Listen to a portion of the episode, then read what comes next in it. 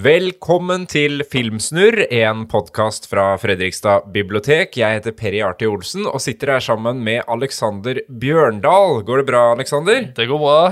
Du, i dag skal vi rett og slett bli tredimensjonale. Ja. Vi skal dykke inn i 3D-filmens historie. Elska og hata.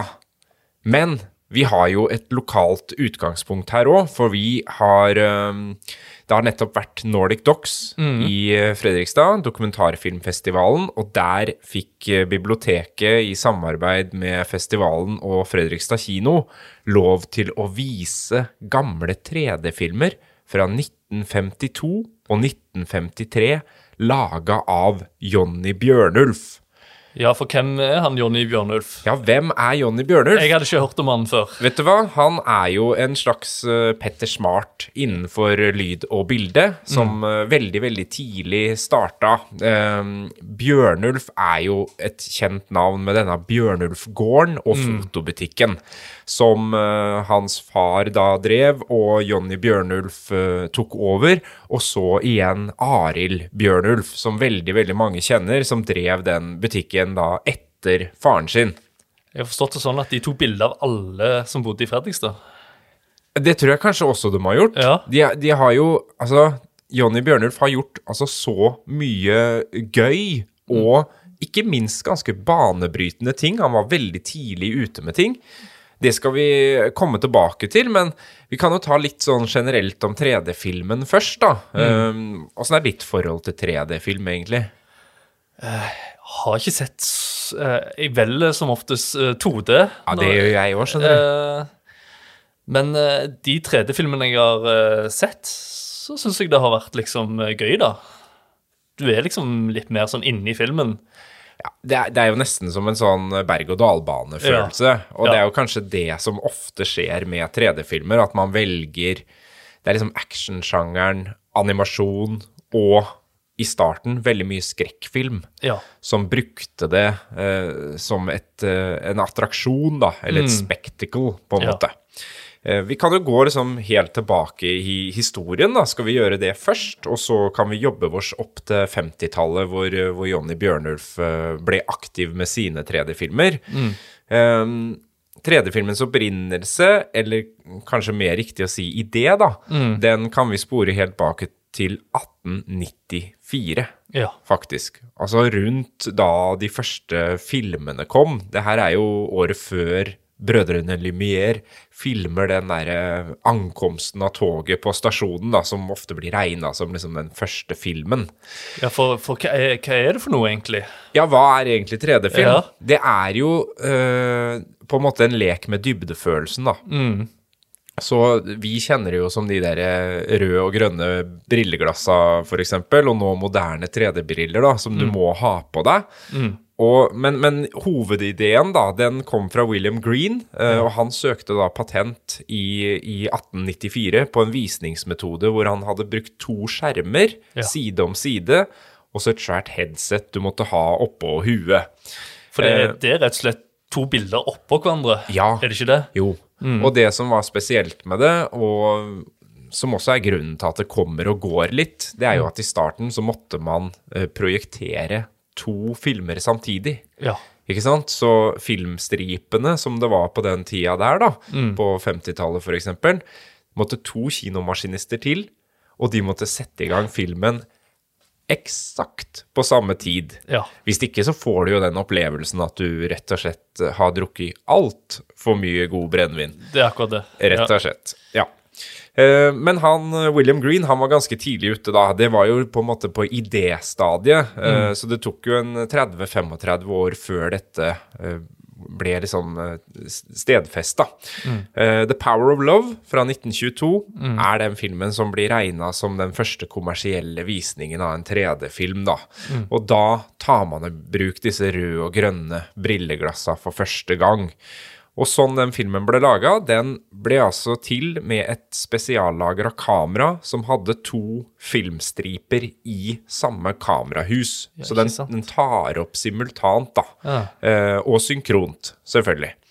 Men, men den det er liksom Det er denne leken med dybden, da, som, man, som man begynte å teste ut. ikke sant? Hvordan føles det ut om noen kommer mot deg i eh, kinosalen? Um, så dette var jo i 1922. Og sånn, for å sette det litt i perspektiv med hva som skjedde i Fredrikstad da, så var det jo i 1924 at eh, bibliotekets aula sto ferdig Ja. og ble tatt i bruk som kinosal for første gang. Ikke sant? Fra Ja. 1924 til 1966 Ja. var det kino her eh, i aulaen. Ikke så mye under krigen, selvfølgelig, men Og Blå grotte åpna i 1938. Mm. Så da har vi liksom det i bakhuet. Og så er jo det store spørsmålet, da, hvorfor i all verden ble det 3D-film? Altså hvorfor begynte Hollywood og andre filmnasjoner med det her? Mm. Kan du tenke deg hvorfor, Alex? Det er vel å tjene penger, vel? Ja, det er, handler handler jo litt om det, da. Eh, på 50-tallet, spesielt i USA, så begynte folk å flytte litt ut fra byene igjen. Det ble liksom, The suburbs ble veldig populære. Og så kom jo TV-en. Ja. På slutten av 40-tallet så begynner jo folk å få TV hjemme. Og da stuper jo kinotalla. Så da tenker jo kinofolket at her må noe gjøres. Og Warner Bros var liksom først ute da med å si at nå må vi, nå må vi få til noe helt nytt. Og det var da eh, 3D-teknologien eh, hadde sin store gullalder i 52, 53, 54. Og så dabber det veldig av. Det gjør det, vet du. Ja. Um, og det er, jo, det er jo dette med liksom å skape den filmmagien, da, og, og at det er denne kroppslige filmopplevelsen, ikke sant? Mm. At man er liksom aktivt med, og gi publikum noe de ikke kunne få hjemme. Ja. Noe de måtte gå på kino for å få. Um, og da kommer det da Bona Devil, som er regna som den første 3D-filmen fra 1952. Det er jo om en eh, løve som herjer rundt uh, i, i jungelen, og, og en jeger da som prøver å ta denne løven. Ja. Så da får du jo den effekten av at en løve som kommer rett mot deg. Og så har du det virkelig store uh, suksessen, som er House of Wax Ja. fra, fra 1953, med, med Vincent Price i hovedrollen. Ja, da er vi inne på skrekkfilmsjangeren. Nå er vi jo rett på skrekkfilmsjangeren. Og Bona Devil var jo heller ikke noe, det var ikke noe skrekkfilm, men du får jo litt den der fryktinngytende følelsen da, når et dyr kommer mot deg. Og House of Wax den eh, har jo annet den 3D-effekten hvor, hvor noen løper på en måte mot publikum og gjennom salen. Ja, Ja. det er kult. Uh, og, og skrekkfilm egner seg jo godt. Eh, det, den derre følelsen av at du er i rommet med morderen eller med monsteret. Det, det, det funker bra i, i 3D. Men det var ikke bare skrekkfilmer eh, som ble lagt. eh, det var jo eh, western og musikaler. De satsa eh, tungt på dette her. De satsa veldig tungt i noen få år. Ja. Alfred Hitchcock, for eksempel, ja. Mm. i 1954. Da var eh, Dial M for murder, er det det? Ja, Dial M for Murder ble jo ble hans uh, første, tror jeg, også eneste 3D-film. Ja. Det er litt sånn mange av de store regissørene har uh, testa det ut. Det er vel liksom James Cameron og Avatar som, som er han, han har liksom alltid holdt på det. Ja. Han syns det er veldig gøy med 3D, Ja, ja han syns det. rett og slett. Eh, men men det, er jo, det er jo kostbart, da. Som vi var inne på, så må du ha to kinomaskinister, og det koster også mye penger å lage det, ikke sant? Så, så det forsvinner eh, etter hvert. Men det var jo enorm begeistring, da, når det kom. Det var virkelig en sånn oppdrift for kinoen igjen, og det kan man jo sammenligne litt nå. Etter koronatida så kom uh, Avatar 2, The Way of Water Ja. Og ble på mange måter den kinofilmen som redda de store filmstudioene og kinodrifta igjen. ikke sant? For det var så innmari mange som gikk eh, og så den. ja. Um, så det må jo ha vært helt sånn unik opplevelse da, å sitte i kinosalen og få oppleve den første 3D-filmen. Det er sikkert litt som vi hadde det når vi vokste opp med The Matrix og Avatar og ja. vi vokste jo opp med Ja, det var jo Matrix og den Star Wars Mm, ja. kom eh, Så det går i veldig bølger, da. Men det var et langt avbrekk fra 54 til eh, 2001. Ja, absolutt. Det var vel noen 3D-filmer eh, mellom der, Det er, det er noen 3D-filmer på 70-tallet, blant annet. Ja. Uh, og du hadde jo Jaws, uh, altså Haisommer 3. Den ble jo laga som 3D-film. ja.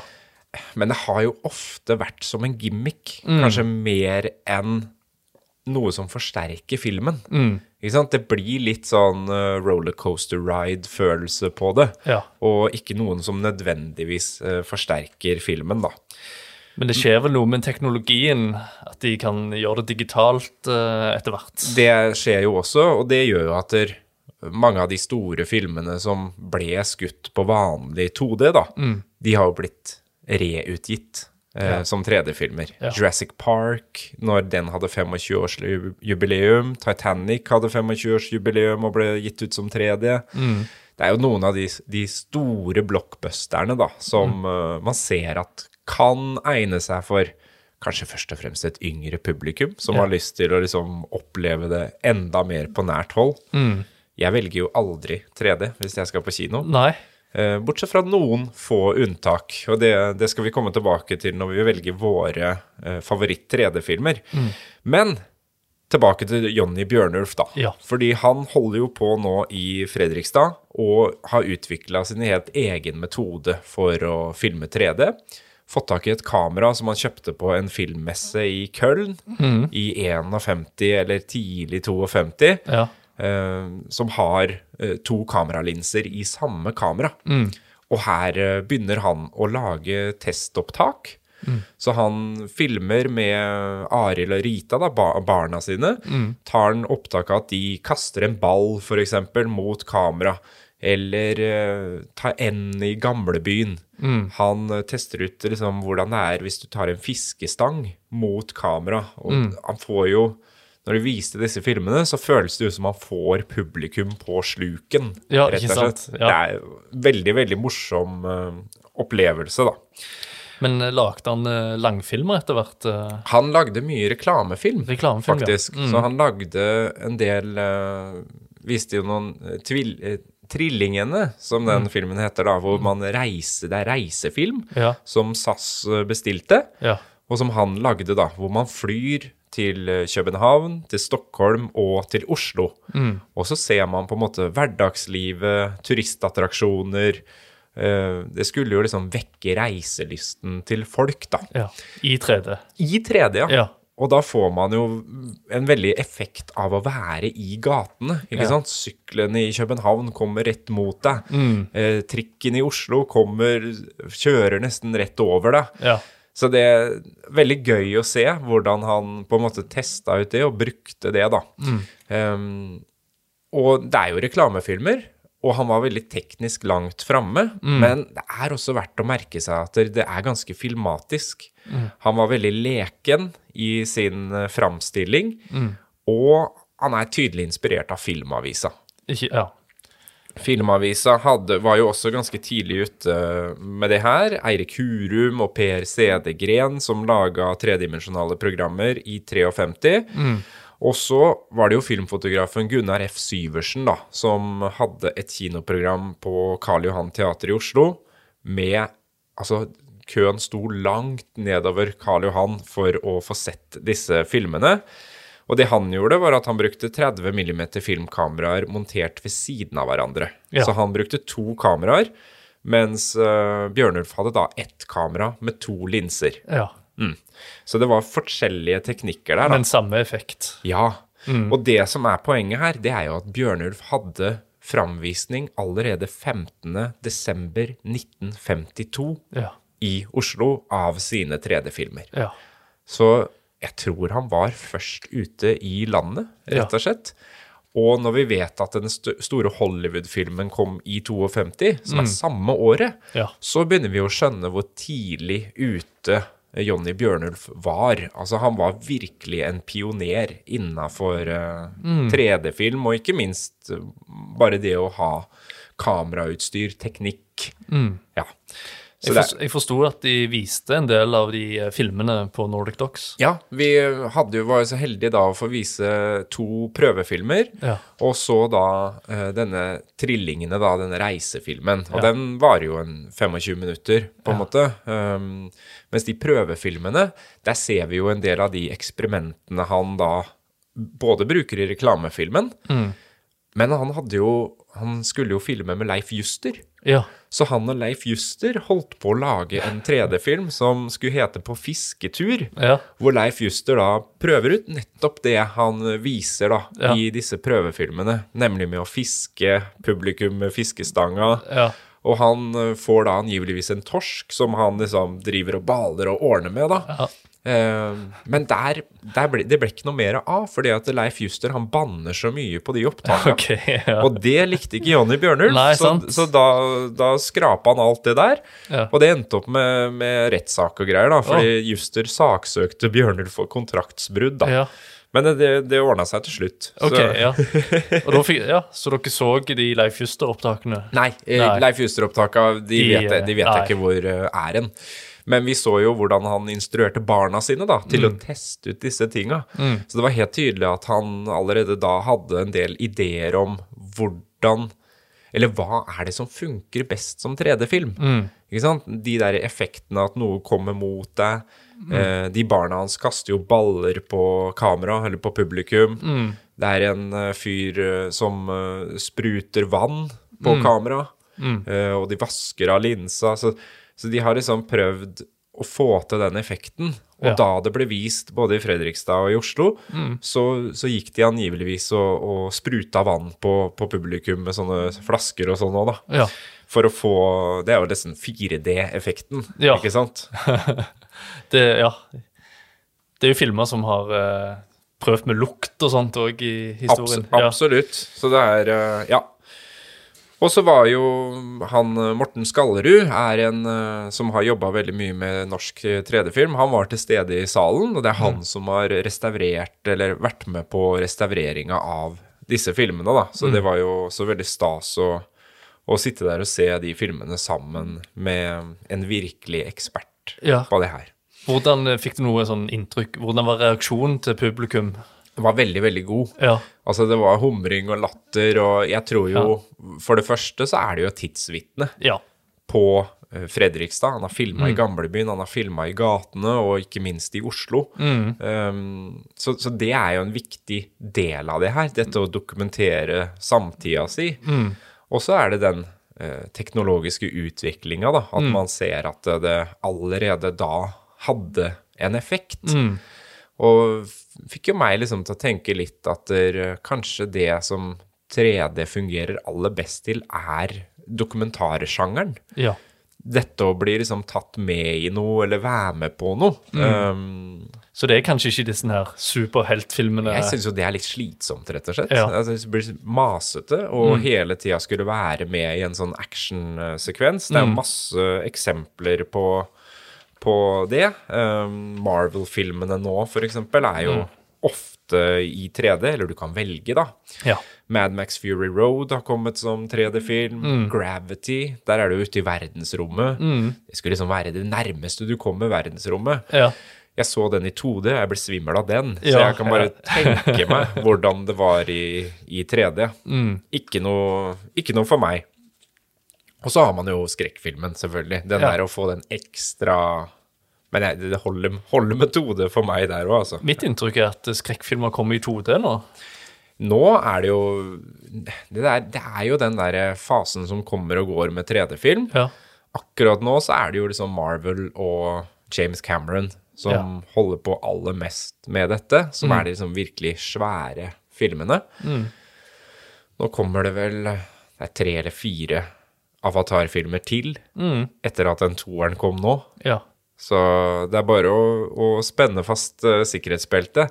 Og i James Cameron sine filmer, der ser man jo at han, han lager de for at det skal være 3D-film. Ja.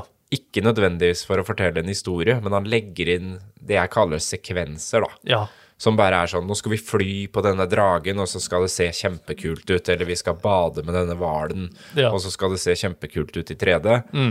har ikke nødvendigvis så mye å si for historien eller plottet. Eh, andre regissører hadde kanskje kutta de scenene.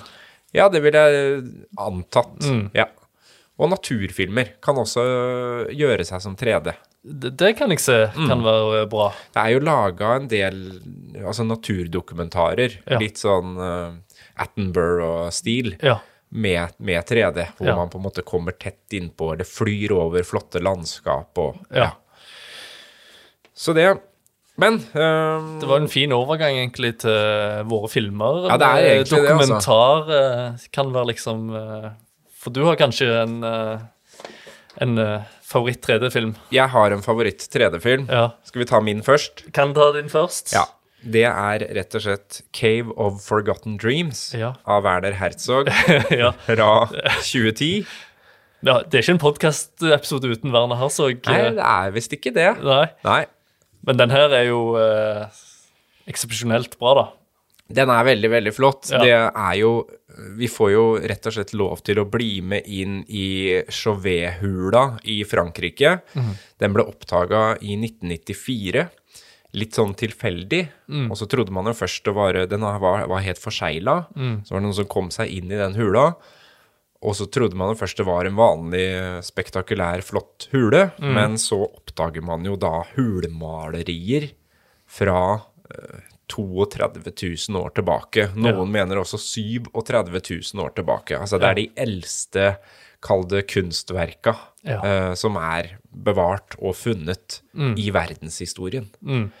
Um, og her får jo da Werner Herzog lov til å ta med seg et bitte lite kamerateam inn. De får vel bare lov til å være fire stykken av gangen inn i den hula i veldig korte tidsperioder.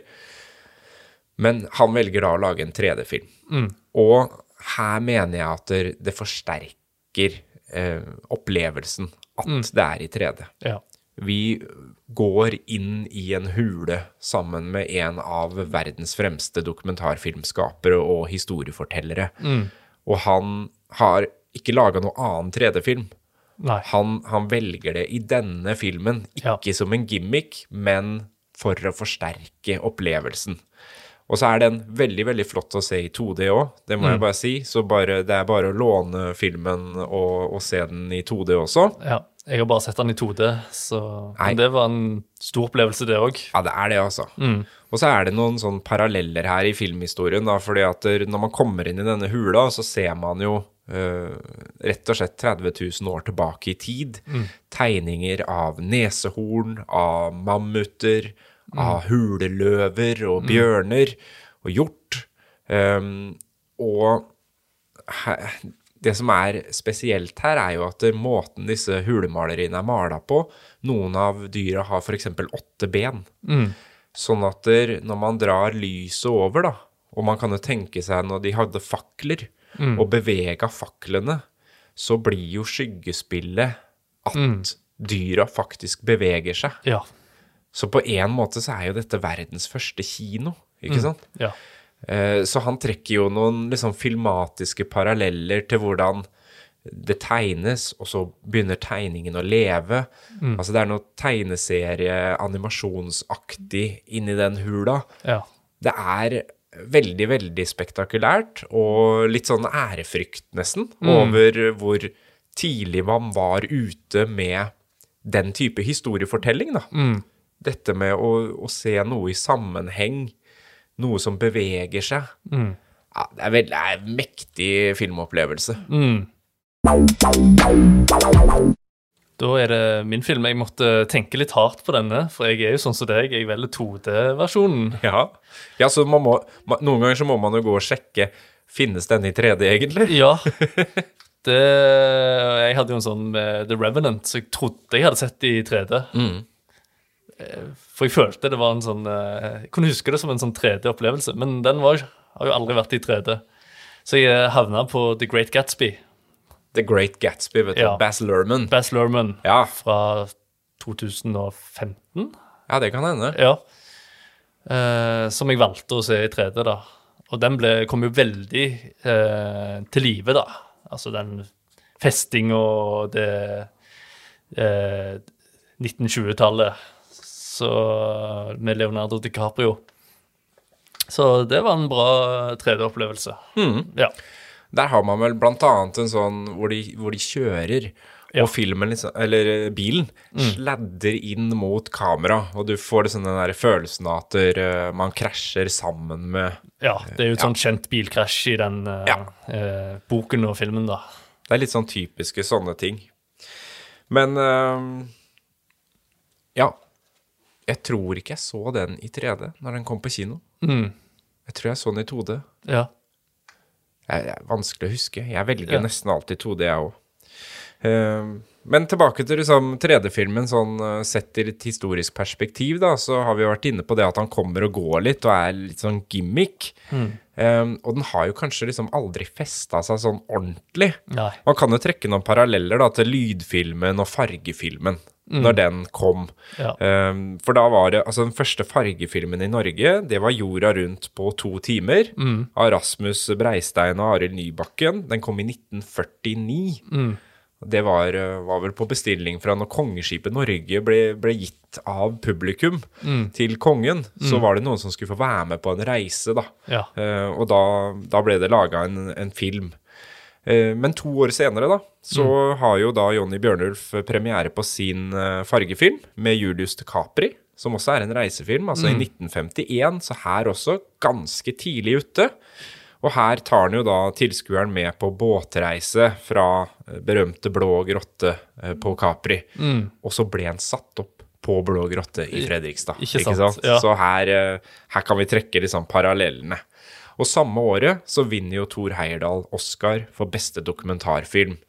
Så da Norge var virkelig på, på kartet dokumentarfilmmessig da. Men eh, hva tenker du om eh, fremtiden til 3D-filmen nå, da? Nei, jeg, jeg tror øh, akkurat sånn som det har vært. lydfilmen var jo også diskutert, ikke sant? Redaktøren i Fredrikstad Blad Det ble jo faktisk vist vi, eh, Bibliotekets Aula Ja. var den fjerde kinoen i Norge som viste lydfilm. Ja. Og da skrev redaktøren i Fredrikstad Blad at der, den lydfilmen, den kommer nok og går. Dette var, altså, den har nyhetens interesse, men ikke noe særlig mer. Og sånn har det jo Sånn ble det ikke med lydfilmen, og sånn ble det ikke med fargefilmen. Nei. Og man sa litt det samme om 3D-filmen. Altså i 54 så, så dabba det av igjen, og så har det dukka opp. Men det har aldri festa seg på samme måte. Nei. Så jeg tror jo vi er uh, inne i en sånn periode igjen nå hvor, hvor det derre med å ha en attraksjon eller en amusement ride, som Ja. jeg kaller det, da, en berg-og-dal-bane, rett og slett, det kommer og går. Men jeg tror ikke det vil være det vedvarende Det er ikke den vedvarende måten å få publikum til å bli i kinosalen på. Nei. Men jeg ser i sommer det med Barbie og Oppenheimer. Oppenheimer. Eh, Oppenheimer kunne du se i 3D, tror jeg. Nei, nei, det tror jeg ikke. Nei, Nei, begge altså, begge Christopher var Nolan er jo Han er anti-3D, anti-3D, Ja, ja. ikke sant? For han er anti på en måte sånn posteffekter. Han vil jo han vil at alt skal være spilt inn der og da, Mm. og den skal se sånn ut som han man skal. Mm. Eh, skutt på gammel film og liksom Ja. Ja. Så han, han går jo helt den andre veien. Da. Så du har på en måte James Cameron på den ene sida, og så har du Christopher Nolan på den helt andre sida, når Mm. Ja. det kommer til hvordan man ønsker å formidle film, da. Litt rart, for eh, noen av Christopher Nolan sine filmer kunne godt tenkt å sette med i 3D. Det hadde vært helt spektakulært. Inception, eksempel. Tenk deg det. Ja. Hadde vært kjempekult. Men så vet jeg ikke Det er jo tilbake til det, da. Forsterker det opplevelsen og det liksom kunstneriske i filmen, eller bare gir det en sånn følelse av at man sitter i en berg-og-dal-bane? Ja. Jeg tror det er det Nolan tenker, for den er jo Inception er såpass spektakulær uten at den er i 3D. Ja. Mens Avatar ja, Ja. var fantastisk da han kom. ja. The Way of Water syns jeg bare var uh, en pine å sitte igjennom. Ja, eh, det er jo Det er altfor mange sånne lange tak. Du mister historien, så mm. Ja. Så sånn er det. Sånn er det. Men, eh, men uh, tilbake på 50-tallet, for å sette det litt i perspektiv. Vi må bare snakke litt om liksom, hvor, hvor tidlig ute Johnny Bjørnulf var. Altså. I 53 så lager altså Stanley Kubrick sin første spillefilm. Fair and Desire. Og The Robe er den første filmen som bruker cinemascope, da. Dette svære lerretet som vi er liksom vant til å se på kino nå, ikke sant. Det var jo en annen sånn ting. Hvorfor skal man gå på kino? Jo, Ja. fordi lerretet er så mye større. Og det er morsomt, fordi at når vi viste de filmene på Nordic Docs nå, så er jo formatet som Jonny Bjørnulf filma i, det er eh, høyt og firkanta. Ja. Ikke sant? Rektangulært. Eh, og, så, og han kommenterer sjøl på det med litt sånn Filmavisen-stemme. At mm. dette formatet er kanskje litt uvant, men det kan like fint brukes som andre. ja. Altså breddeformatet, ikke sant? Passet veldig til kinoen, da. Pa, altså, det, det blir jo som å se på iPhone. Ja, ikke sant? Så det er jo ja. det, han var jo kjempetidlig ute med på en måte spå hvordan kommer vi til å se på, på film i framtida. Ja. Så, så det syns jeg også var veldig, veldig fascinerende. Um, Herfra til evigheten vant uh, Oscar for beste film dette året. Og Titanic, da, Ja. som uh, 70 år etter Altså, den første Titanic-filmen, om vi kan kalle det det, vinner Oscar for beste originalmanus. Og så kommer jo James Cameron sin. Ikke sant? ja. Og så 70 år etter at Bjørnulf uh, laga sine første 3D-filmer, Ja. så er det da nypremiere på James Cameron sin Titanic på Fredrikstad kino. Jeg blir nesten helt svimmel. I 3D. så her er det er, det er mye historiske linjer å, Ja. å ta tak i her, uh, Alex. Han filma en ufo òg. Oi. Ja da. Ja, Helt spektakulær greie i 1954. Dette var ikke 3D-film, da. Nei. Men da uh, fikk han tak i et fly Mm. og skulle filme en solformørkelse. Ja. Vinduene på flyet var tatt ut, Ja. sånn at de skulle få filma igjennom. Ja. Du kan tenke det var kaldt der. Fem, Ja. 15 minus eller noe sånt. Langt 4000 meter over bakken, ikke sant? ja, det må jo være enda mer, kanskje. Men- enda mindre. Ja, ja, helt sikkert. Men fikk i hvert fall spektakulære bilder da, Ja. av solformørkelsen. Ja. Og så har det jo vært diskutert da i ettertid, Ja. og det diskuteres fortsatt på internettforum, Ja. Om han også fanga et par UFO-er ja. på film. Ligger den filmen der ute noen plass? Gjør jo ikke det. Nei. Så vet, det er bare sånn eh, muntlig fortelling. Veldig mange av disse filmene er bevart i, i Nasjonalbiblioteket. Mm. Um, men det er jo noen rettigheter ved å, ved å se dem, da. Så det, er, det er ikke hvem som helst som kan bare gå inn og hente dem eh, sånn som det er nå. Og tilbake til fotobutikken i eh, Storgata 10, så er det helt tydelig for meg at gjennom hele karrieren sin, da Jonny Mm. Bjørnulf var veldig lite opptatt av det kommersielle og det økonomiske. Mm. Han hadde masse nyvinninger. Han mm. var en av de første som sendte bilder over telefonlinjer, ikke sant? Ja. Uh, men tok aldri patent på noen av disse tinga. Eh, han han uh, samla lyd på LP-plater fra, fra BBC Radio under krigen, selv om Ja. det var strengt ulovlig. Han risikerte jo ja, å bli sendt uh, både hit og dit. Ja, ja. Men, men um, han var på en måte aldri opptatt av det. Eh, det var fotobutikken, og så var det alle liksom, krumspring du kunne finne på. ja. Og så hadde han da det som jeg syns er mest rørende, egentlig. Det er at han viste film på taket. Ja. Tidlig på, eller slutten av 40-tallet så begynte han å vise film inne i butikken sin i Storgata 10. Tegnefilm for barn eh, i jula. Og så etter hvert så vokste det her seg så stort at han måtte bruke hele Holbecks gate ja. og viste film fra taket. Og det var 5000 mennesker Oi, oi, oi. i gatene som møtte opp for å se eh, tegnefilm, for å se Chaplin, Abbott og Costello, og han viste jo alle disse tinga. Og det får meg liksom alltid til å tenke på kinomaskinisten, da, Alfredo i Cinema Paradiso ja. som når kinosalen er full, og direktøren sier at det blir ikke noe mer filmvisninger i kveld, så står jo hele eh, Altså, det er så mange i byen som ikke får se film. Og så snur Alfredo prosjektøren ut til uh, torget. Og, og speiler rett på en murvegg, sånn at alle de som ikke kom inn i kinosalen, fikk lov til å se film. Og det syns jeg liksom oppsummerer den filmgleden til Jonny Bjørnulf veldig godt. ja. Det at han ville gi filmen til eh, folket. Jeg viste jo faktisk Cinema Paradiso her i eh, Auland. Ja, det må ha vært fantastisk. Det var en fantastisk opplevelse. Og Ja. det var mange rørte folk som kom ut av den salen der. Ja. ja, han var jo liksom Jeg tenker han var Fredrikstads egen Alfredo, da. Ja. Og så går det jo en kunstnerisk linje her, da, som vi også må nevne. For Arild som tok over butikken, veldig mange kjenner jo til han. Jeg fløy masse ned i Bjørnert Foto når jeg var liten. Alltid et veldig sånn hyggelig sted å komme. Jeg og kompisen min var innom der.